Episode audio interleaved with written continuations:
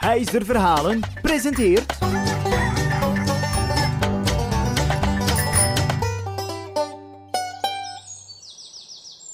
Ah, het geluid van vogeltjes en de wind die de bladeren van de bomen over elkaar doet strijken. Het is een echt muziekspektakel. Maar je hoort mij natuurlijk niet voor niets. Er schuilt in dit bos namelijk een geweldig verhaal. Luister maar. Die oude Jules, daar begon het allemaal mee. Hij was een arme houthakker die elke dag van morgens vroeg tot midden in de nacht doorwerkte. Na een lange tijd had hij eindelijk wat geld kunnen sparen. Dat geld, dat heeft hij niet voor zichzelf gehouden. Nee, nee, nee, nee, nee. Al zijn spaargeld gaf hij aan Marx. Ja, dat was zijn zoon. En met dat geld, dan kon Marx naar school gaan. En gelukkig deed hij dat ook. Hij verbleef namelijk drie jaar lang in de stad om daar plots naar school te gaan. Het was voor zijn vader een heel groot gemis. Maar plots Mark stond daar, midden in het deurgat. Zijn vader die was dolgelukkig en ze omhelsden elkaar met veel warmte en liefde. Hij was zo blij om Marx terug te zien na al die jaren. Het was een koude dag, maar buiten kon hij de vogels heel goed horen fluiten. Ja, kom binnen toch, Marx, kom binnen, zei Jules. Ah, vader en zoon zaten heerlijk voor het haardvuur. Jules vroeg zich af waarom zijn zoon teruggekeerd was. Zou hij nu al klaar zijn met school? Maar Marx maakte het snel duidelijk. Hij had geen geld meer om zijn laatste jaar op school af te maken. Alleen was er wel een heus probleem. Jules had enkel en alleen nog maar geld over om elke dag een stukje brood te kopen. Marx stond recht en zei: Ik heb het! Ik ga mee met jou hout gaan hakken.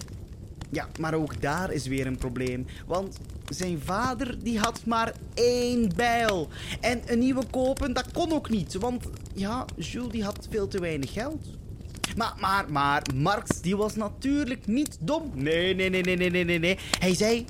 Ik ga naar de buren. Ik ga daar even aankloppen en vragen of zij nog een extra bijl hebben. Die zou ik toch waarschijnlijk wel uh, ja, uh, mogen gebruiken, toch? Uh, papa? Jules vond het helemaal geen slecht idee.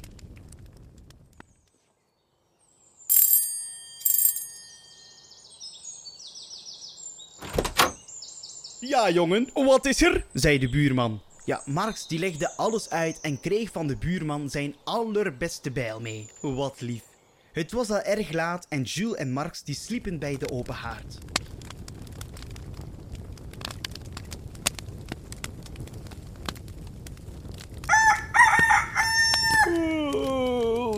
Oh, oh, sorry. ja, ja, ik, ik viel eventjes in. Maar ja, waar was ik weer gebleven? Oh, ja, ja, ja. het was ochtend. De twee die vertrokken het bos in. Ze zochten dikke bomen uit met hele dikke takken, zodat ze die konden afhakken. Of ja, omhakken. Marx die vond het niet makkelijk, omdat het ook zijn allereerste keer is dat hij dit doet. Maar gelukkig is zijn vader Jules erbij om hem goed te helpen. Ze waren al de gehele dag bezig met hakken en snoeien. Hun handen hadden enorm veel splinters en de zon ging stilaan onder. Jules stelde voor om het stukje brood op te eten zodat ze weer energie hadden om de hele nacht door te kunnen hakken. Ja, maar Marx die had helemaal geen zin in dat stukje brood. Maar Marx zei al snel: Papa, ga maar rusten. Ik ga wel een wandeling maken in het bos, want ik ben helemaal niet moe. Ik, ik ga, ik ga, weet je wat ik ga doen? Ik, ik ga op zoek naar vogelnestjes. Ja, Marx was zeer vrolijk en maakte zijn wandeling. Hij sloot zijn ogen en luisterde naar het geluid van de vogels die zich klaarmaakten om te gaan slapen.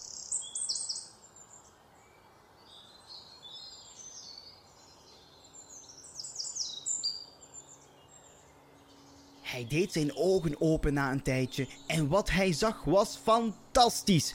Een gigantische open plek met allemaal bloemetjes die blonken van de ondergaande zon met in het midden een enorme hoge dikke oude boom. Hij wist onmiddellijk dat het om een eik ging, want rond de boom en tussen haar wortelen lagen namelijk allemaal eikels. Ja, en eikels die groeien aan een eik. Oh, en, en oh, oh, kijk, er liepen ook twee heel schattige eekhoorntjes over de dikke takken. Ja, Marx had nog nooit zo'n prachtige plek gezien. Hij was zo benieuwd naar de vogelnestjes. Hij begon met klimmen op die dikke boomschors en... Daar lag hij dan. Het is natuurlijk niet zo slim om in zo'n hoge boom te proberen klimmen. Gelukkig had hij geen pijn, want dat zou echt... Me! Hé! Hey, laat me eruit! Ge- gelukkig had hij geen pijn, want dat Laat zou me echt... eruit! Eh, Hé! Hey, geen- laat me eruit! geen pretje zijn, maar, maar wat was dat? Laat me eruit! Marx keek om zich heen. Laat me eruit! Marx keek om zich heen. Marx keek om zich heen, maar hij kon niemand zien. Het leek echt alsof de stem van de grond kwam. Huh, vreemd. Hé! Hey, Wie, wie, wie, wie, wie, wie, wie, wie, eh, is daar? zei Marx met een bang stemmetje. ik zit onder de wortelen van deze boom! Laat me eruit! Marx begon de bladeren rond de boom weg te ruimen en begon goed te zoeken. Hé! Hey, zeg! Let toch eens op! Laat me eruit! Marx kon niet geloven wat hij zag. Hij tilde een kleine glazen fles op en hield het tegen het licht van de ondergaande zon. Er zat een kleine kikker in. Laat me eruit! Nu! Een pratende kikker? Marx had duidelijk veel te lang gewerkt en dacht dat hij droomde. Nu ja, hij opende de fles om de kikker te bevrijden en... Eindelijk uit die fles! Maar, maar, maar, huh, maar, maar, maar, die kikker is veranderd. Een geest, een echte geest. Ah, Marx die begon heel hard te gillen. Ach, rustig, rustig. Jij hebt me gered, daarom heb ik een mooie beloning voor jou. Ja, Marx vroeg het al heel snel. Eh, is het eh, geld? Want ja, Marx die had echt geld nodig om zijn school af te maken. Nee, ik ga heerlijk van jou smullen. Marx bibberde en zei...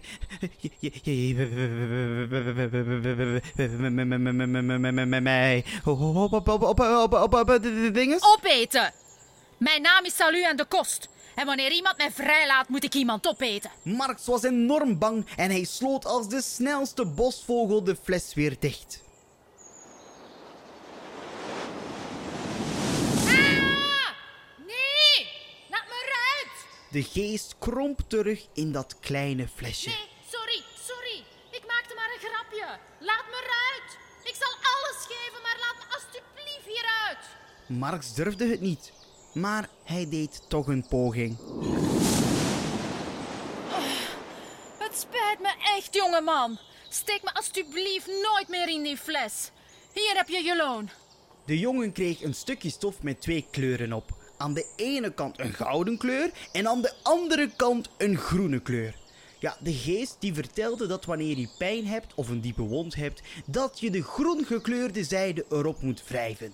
Hierdoor verdwijnt de pijn en kan alles genezen worden. Ja, en met de andere zijde, de goudgekleurde zijde van het stukje stof, was het mogelijk om elk voorwerp te veranderen in goud. maar ja, Marx die geloofde er eerst niks van, maar het was echt waar. Hij ging naar de oude boom en spleet de stam met zijn bijl. Met de groene kant van het stukje stof wreef hij over de stam van de boom en.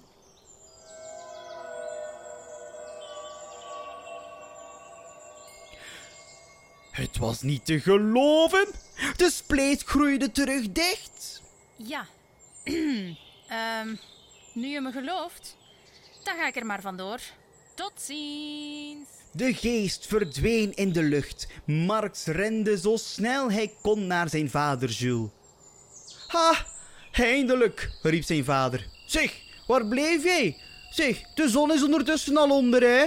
Nu kunnen we echt niet meer werken. Daar gaat het geld, hè? Jules was echt kwaad en verdrietig. Maar Marx keek zeer doordacht. Hij nam de bijl op van zijn buurman en hakte een spleet in de dichtstbijzijnde boom. Ja, wat doe jij nu? zegt zijn vader. Let goed op, vader. En Marx die wreef met de groene zijde van het stukje stof over de spleet.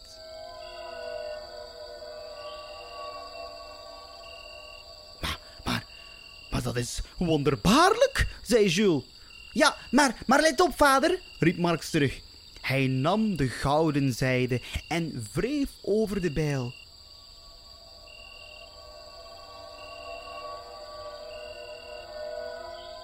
De bijl veranderde helemaal in goud. Het was niet te geloven. Jules en Marx waren steenrijk geworden.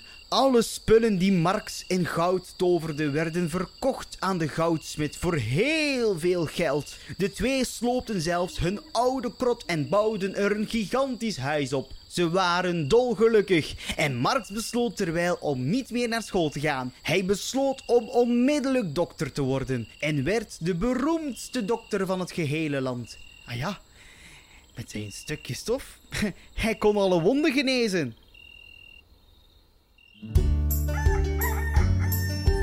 Vond jij dit een leuk verhaaltje? Volg Huizer Verhalen dan maar snel op Facebook en op Instagram.